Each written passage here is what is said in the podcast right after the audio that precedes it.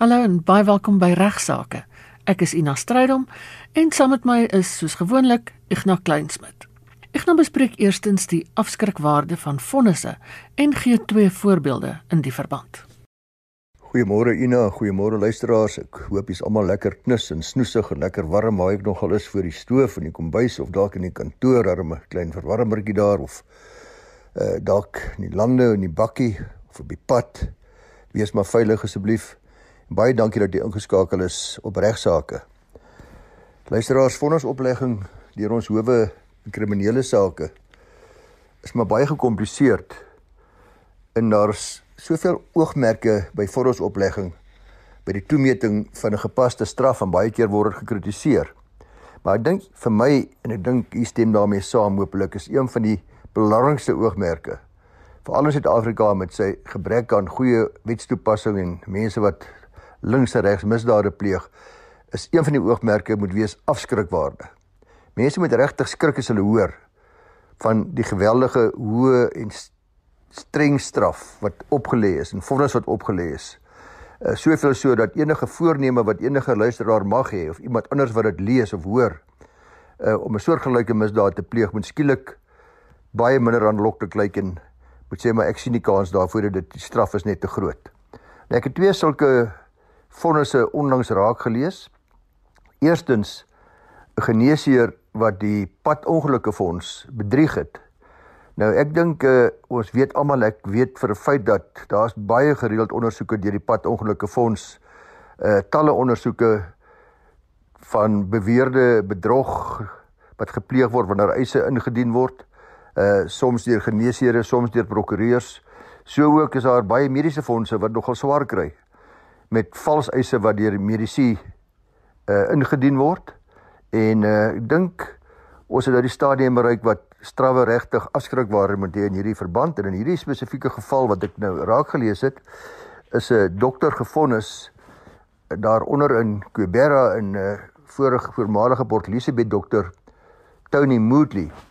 Wat gebeur het is dat hy het 'n uh, na bewering bedrog gepleeg en in die geval van 83 mense wat betrokke was in 'n kop-en-kop busongeluk in die voormalige Port Elizabeth in 2007 het dit later gebleik dat die meerderheid van hierdie eisers, beweerde eisers, hierdie vals eisers wat van hierdie busongeluk passasiers was, uh wat glad nie gekwalifiseer om eise in te dien teen die fonds nie, die hof bevind.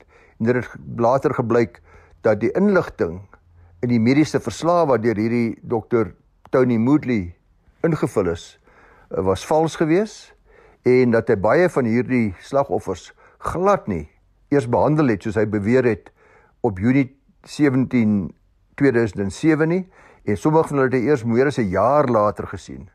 So 'n paar weke gelede het uh, Landros Hannes Klasen vermoedelik gevind tot 36 maande korrektiewe toesig gekoppel met huisarrest en 'n verdere 576 ure gemeenskapsdiens by Livingston Hospitaal waar hy sekere administratiewe pligte moet vervul vir 576 ure. So dit was baie duidelik uit die Landros se vonnis uh dat hy net net die oranje pak vir die hele klompie jare vrygespring het en ek hoop ek dat hierdie vonnis verbye as afskrikbare sal dien. Die tweede ene wat ek na gekyk het is 'n Gautengse man wat pornografiese fotos van 'n 12-jarige meisietjie geneem het en dis ook 'n misdaad wat my betref oors kop uitsteek.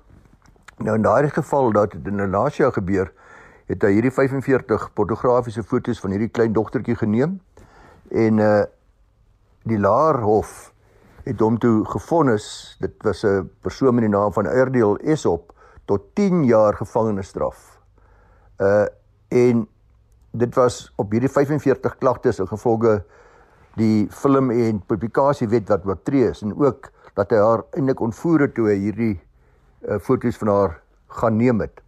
Nou toevallig het uh, dit gebleik en dit het net as versagting gegee dat sy vir hom dit aangebied het uh, om so op te tree deur uh, te vra vir klere en kos wat hy toe vir haar gegee het, maar natuurlik dit was glad nie eens versagtende omstandighede beskou nie inteendeel.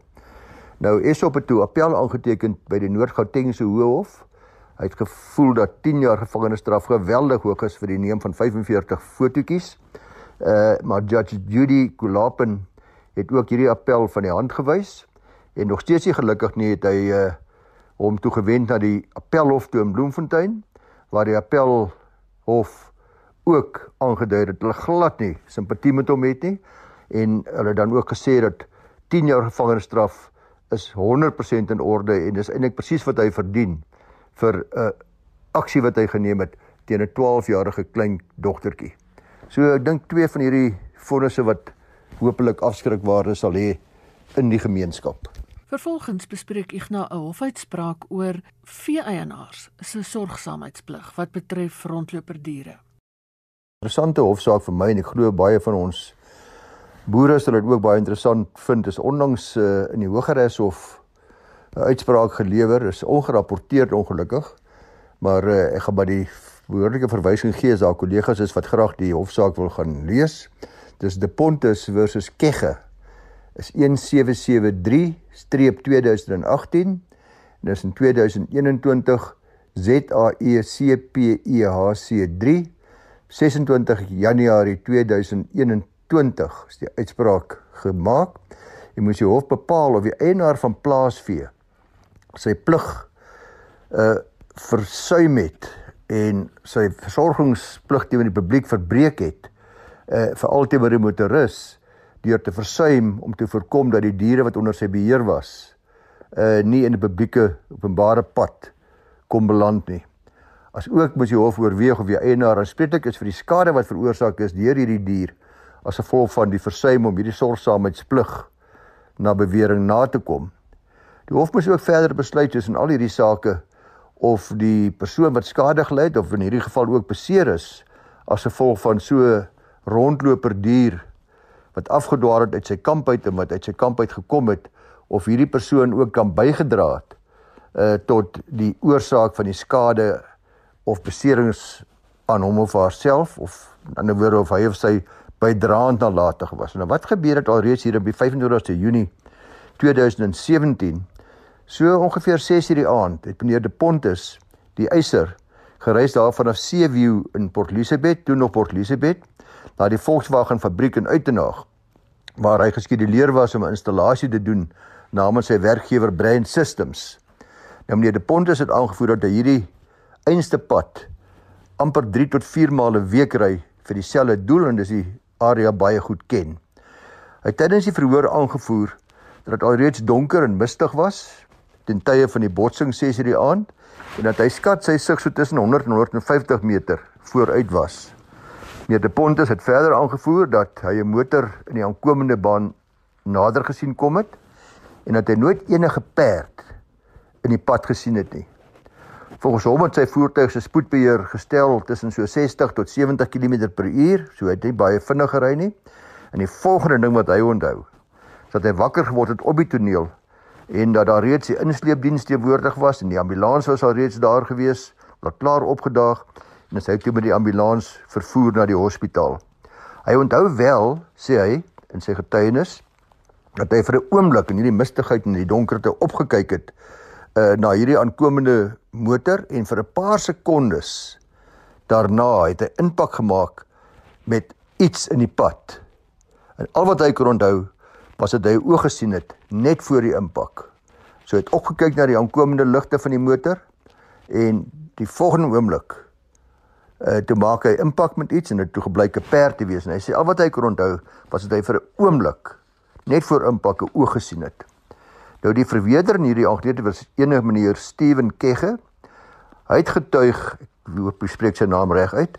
Hy het getuig dat sy perde normaalweg in 'n geslote kampwy wat normaalweg met 'n hak toegehou word, die hek en hy toegegee dat die hek eintlik baie maklik deur enige iemand oopgemaak kon word met hierdie draadhak of wat ek nogal esterhak wat daar was. En dit was ook so op die dag van die botsing. Nou Kegge het Kegge het ook later toegegee en erken dat hy verstaan dat almal boere soos hy 'n sorgsaamheidsplig het teenoor meneer De Pontus, die motoriste wat daardie openbare pad gebruik om te verseker dat sy perd nie kan ontsnap en in daardie pad kom beland nie en dan natuurlik in daardie openbare pad te gevaar kon skep vir motoriste. Die hof het bevind luisteraars dat wanneer die gedrag van meneer De Pontus behoorlik ontleed en geëvalueer word, dan moet die vraag altyd gevra word of 'n redelike persoon in dieselfde posisie is die van die verweerder meneer Kegge in daardie omstandighede dieselfde voorkomende stappe sou geneem het om te verseker dat sy perd of perde nie kan uitkom tot op die openbare pad nie. Dis wat moet beweeg word. Met ander woorde, as jy kyk hoe waar meneer Pontus was, hoe hy bestuur het, wat wat die omstandighede was en kyk na wat meneer Kegge se sorgsaamheidsplig was, kan daar gesê word dat 'n redelike boer in meneer Kegge se omstandighede ander stappe sou kon neem om te verseker dat sy perde nie op die openbare pad kom beland nie. Die hof het verwys na die feit dat die bekamping van die verweerder se perde uh slegs beveilig was deur een hek Belangrik was dat die hek het geen meganisme gehad wat verseker dat hy outomaties toemaak uh om dus sodoende seker te maak dat hy nie oop staan uh nadat iemand hom oopgemaak het nie. Die hof het ook opgemerk dat dit irrelevant is vir die hof wie die hek teen tye van die botsing oopgelos het omdat die eienaar van die perde verantwoordelik was om te sorg dat redelike stappe geneem moet word. Dis hier maar die klem op hierdie redelike stappe om te voorkom dat sy perde kan uitkom of maklik kon uitkom uh op die openbare pad en dis 'n gevaar kon skep. Die hof het dus uh, bevind luisteraars dat as gevolg van meneer Kegge se versuim om die hek te sluit met 'n beter tipe slot dat dit beskou kan word as versuim, as nalatigheid by die nakoming van sy sorgsaamheidsplig wat hy verskillig is aan ons almal wat daardie pad gebruik, ook aan meneer De Pontus en die hof bevind dat daar 'n kausale verband was tussen hierdie nalatigheid uh van die boer en die uiteindelike botsing en dis meer Pontus se beserings en skade.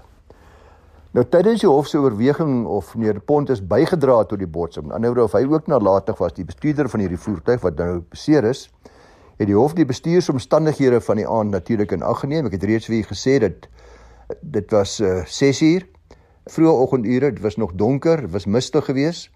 Uh die perd was in die middel van die pad en daar was 'n aankomende voertuig en meneer De Ponte sê die hof was in geen posisie om daardie botsing te vermy nie. Geen redelike motoris in daardie selfde omstandighede sou daarin kon slaag om die botsing te vermy nie. En eh, dit beteken dus dat meneer De Ponte glad nie nalatig was nie en die hof sê die feit dat meneer De Ponte vir 'n sekere oomblik of twee opgekyk het na die aankomende motor dit nie enigsins as nalatig aangemerk kan word nie. Dis normaal. En hierdie uitspraak vir my en vir almal wat luister behoort as 'n waarskuwing te dien veral dan vir alle vee-eienaars om te verseker dat hulle diere nie toegang tot openbare paaie kan verkry nie en dat daar redelike stappe geneem word om dit te vermy. Die uitspraak beklemtoon ook verder die beginsel dat vee-eienaars 'n sorgsaamheidsplig het teenoor die publiek en daarom moet daar addisionele voorsorgmaatreëls getref word. Die help nie om te sê iemand anders het die hek oopgemaak nie. As want dit so maklik is om die hek oop te maak nie. Daar moet addisionele voorsorgmaatreëls getref word sê die hof om te verseker dat hierdie diere nie ook deur ander se optrede maklik op openbare paaie kan beland nie. Uh en daarom is dit maar duidelik dat kampe behoorlik omhou moet word en dat veral die hekke op so wyse moet uh meganismes hê uh dat dit nie vir die diere moontlik of maklik is om uit te kom nie. In hierdie spesifieke geval is daar veral dan belangrik deur die hof gesê dat die sluitmeganisme van die hekke so moet wees dat dit nie eens nalatig beskou kan word nie. So boere neem maar kennis. Mens kan groot skade op die hals al. Waar kan 'n mens kla oor advertensies en watter soort klagtes kan 'n mens indien? Ek gaan beantwoord nou 'n vraag hieroor. Volgende navraag kry ek van 'n dame met die naam van Sari Beaumont en sy het 'n baie lang interessante skrywe wat ek nie gaan herhaal nie behalwe om te sê eintlik wil sy weet by wie kan sy kla oor 'n advertensie bord langs die pad? Dit is blykbaar baie naby aan haar kinders se skool.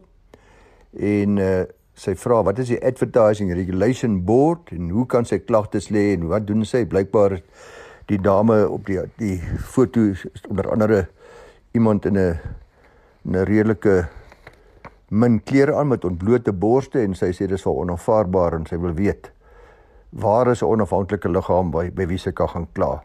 Nou ek moes ook 'n bietjie gaan navorsing doen en uh, toe agtergekom dat die advertensie regulasie raad vir reguleringsraad of die ARR soos dit bekend staan is 'n onafhanklike liggaam wat gestig is deur deur lede van verskeie ander verenigings en assosiasies en organisasies. Hulle is onder andere die Bemarkingsvereniging van Suid-Afrika is 'n lid van hierdie ARR, die Vereniging vir Kommunikasie en Advertering. Uh, ek sien die internet adverteringsbureau is ook uh, almal lede daarvan. So hulle is in 'n soort vrywillige assosiasie wat dan uh, hierdie regulasie raad vorm om hulle self tot 'n groot mate te beheer en te reguleer en uh, hulle is dan almal stigtingslede. Nou hulle administreer 'n uh, 'n geakkrediteerde kode en dit is baie wyd geakkrediteerde kode vir adverteringspraktyke wat dan die inhoud van alle Suid-Afrikaanse advertensies probeer reguleer. Nou hierdie kode luisteraars voorkom onder andere onregverdige manipulering van my en jou mening van die openbare mening uh dat dit onbillik is en onredelik is en uh aansprake maak wat nie geregverdig kan word nie. Uh dit onder andere voorkom dit dan ook probeer dit voorkom uh dat advertensies in alle opsigte eerlik of oneerlik is en nie korrek is nie. So hulle wil graag hê advertensies moet in alle opsigte waar, eerlik en korrek wees. Nou enige persoon en soos Sari nou wat vir my die e-pos gestuur het eh, of ook 'n entiteit, 'n regspersoon wat glo dat 'n advertensie vals is of misleidend is of skadelik is op enige manier, kan 'n klag lê by die ARR. En hulle aanvaar dus alle klagtes van verbruikers en ook alle klagtes van regspersone van besighede. Enigiemand wat 'n klag kan lê, kan uh, hulle webtuiste besoek en uh, die klagte is daarin hang gemaak Die webadres terloops is uh as jy maar net arb arb.org.za dan gaan jy daarna na complaints toe en uh jy sal self die uh kan volg daarna waar jy kan klagtes lê maar as arb.org.za Nou hoe lê mense klagte? Uh as mense individu is soos wat die luisteraar is, uh dan kan jy maar net op hierdie webwerf die uh klagtes gedeelte oopmaak en die aangehegte vorm wat hulle dan vir u gaan oopmaak kan u voltooi uh en dit word dan gestuur en dan sal hulle later met u kontak maak om verder besonderhede by u te kry of die saak verder te voer. Maatskappye egter, dis nou regspersone, uh, moet egter klagtes via e-pos indien. Hulle kan nie direk dit doen op die webwerf nie. En hulle kan klagtes stuur na die volgende e-posadres. Dis net complaints by arb.org.za. Complaints C O M P L A I N T. Ekskuus nee, is nie complaint @arb.org.za. Nou wat kan mens alles hoor kla? Uh die ARR sê op hulle webtuiste hulle aanvaar net klagtes oor die inhoud van die advertensie. Let wel, nie klagtes rakende die mense het my nie goeie diens gegee nie of hulle sê hulle vra net R10 bedoel vra hulle R20 of of iets wat een van die mense vir jou verkoopspersoon vir jou gesê het nie of 'n agent vir jou gesê het nie. Uh dit gaan nie daaroor, dit gaan oor die inhoud van die advertensie. Dis wat die ARR hanteer. Of iets wat jy gelees het of gehoor het wat nie noodwendig kwalifiseer as advertensies nie, sal ook nie kwalifiseer uh as 'n klagte by die geldige klagte by die ARR nie. Nou uh alles wat gemik is op die bevordering van die gebruik of verbruik van goedere of dienste en die ondersteuning van 'n doel of iets wat in enige betaalde vorm in die media verskyn val binne die definisie van advertensie. Dit kan byvoorbeeld insluit televisie, radio, koerante, tydskrifte, ag, dit kan aangaan direkte pos, webtuiste, sosiale media vir al deesdae. Verpakkingsmateriaal, plakate, advertensieborde ook, want dis waarteen uh ons luisteraar in hierdie geval beswaar maak teen 'n advertensiebord wat iewers naby haar skool is. Dis Sari. Boumond. Nou wat moet so 'n klag nou alles bevat? Wat moet ek alles sê wanneer ek kla? sodat daar dan behoorlik aandag gegee kan word aan my klagte en hierdie kode vir adverteringspraktyk eis dat jy die klag moet skriftelik wees.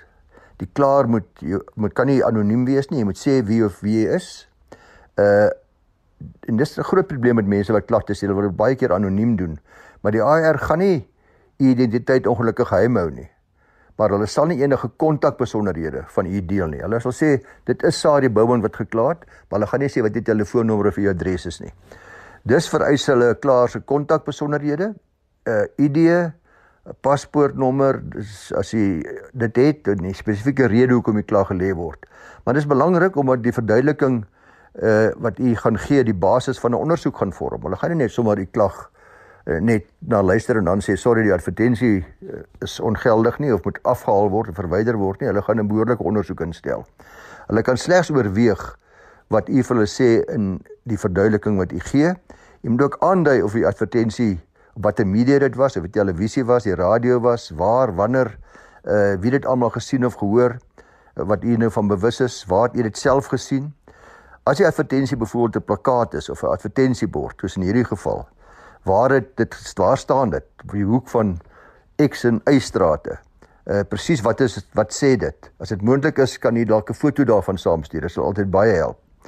As die advertensie weer in gedrukte media verskyn het, dan moet uh die klaar voorbeeld of 'n foto daarvan saam met die klagte stuur. En dan natuurlik laastens as jy klaar uh die kontak, die naam, die nommer of die e-pos van die adverteerder het, dan sal dit ook geweldig baie help sodat dit direk met die advertensie eienaar gepraat kan word. Is daar kostes verbonde aan so klagtes? Wil jy almal seker weet? Weereens, ek is 'n individu, u is 'n individu kan 'n klag sonder enige kostes indien. Maar as 'n maatskappy 'n klagte indien, 'n besigheid of 'n regspersoon, dan is daar wel kostes aan verbonde, maar die kostes verbonde is regtig nie baie nie. Dit sal afhang van die klagte en van verskeie faktore. Uh dit sal ook byvoorbeeld afhang of mense 'n klein privaat maatskappytjie is wat deel vorm van 'n groot groter uh genoteerde maatskappy of 'n groep maatskappye. Dit sal ook afhang of u deel is van 'n maatskappy wat bydraes lewer aan die ARR of wat lede is of u een van die assosiate is. Wat natuurlik beteken dat lede wat bydraes lewer 'n aansienlike afslag kry. En daar's blykbaar volgens die IRR het hulle geweldig baie lede in Suid-Afrika. En hierdie kostes kan jy ook kry op die IRR se web se se webwerf. Nou, wat het uh, wat die vraag wat uh, gevra was deur mevrou Boumond was het hulle tande uh en wat gebeur as die klagte suksesvol was? Die IRR se medialede en al hulle geaffilieerde lede en al hulle assosiate sal dan dadelik versoek word om hierdie spesifieke advertensie waaroor gekla is van alle platforms af te verwyder. Nou waar die adverteerder nie 'n lid is van die ARR nie nie 'n bydraende lid is nie, sal hulle gewoonlik maar ook hieraan gehoor gee. Hulle is nie verplig nie, maar uh, my indruk is en dis ook wat uh, die ARR sê dat daar's baie goeie statistieke dat mense wel na hulle luister en dan die advertensie van alle platforms af sal verwyder.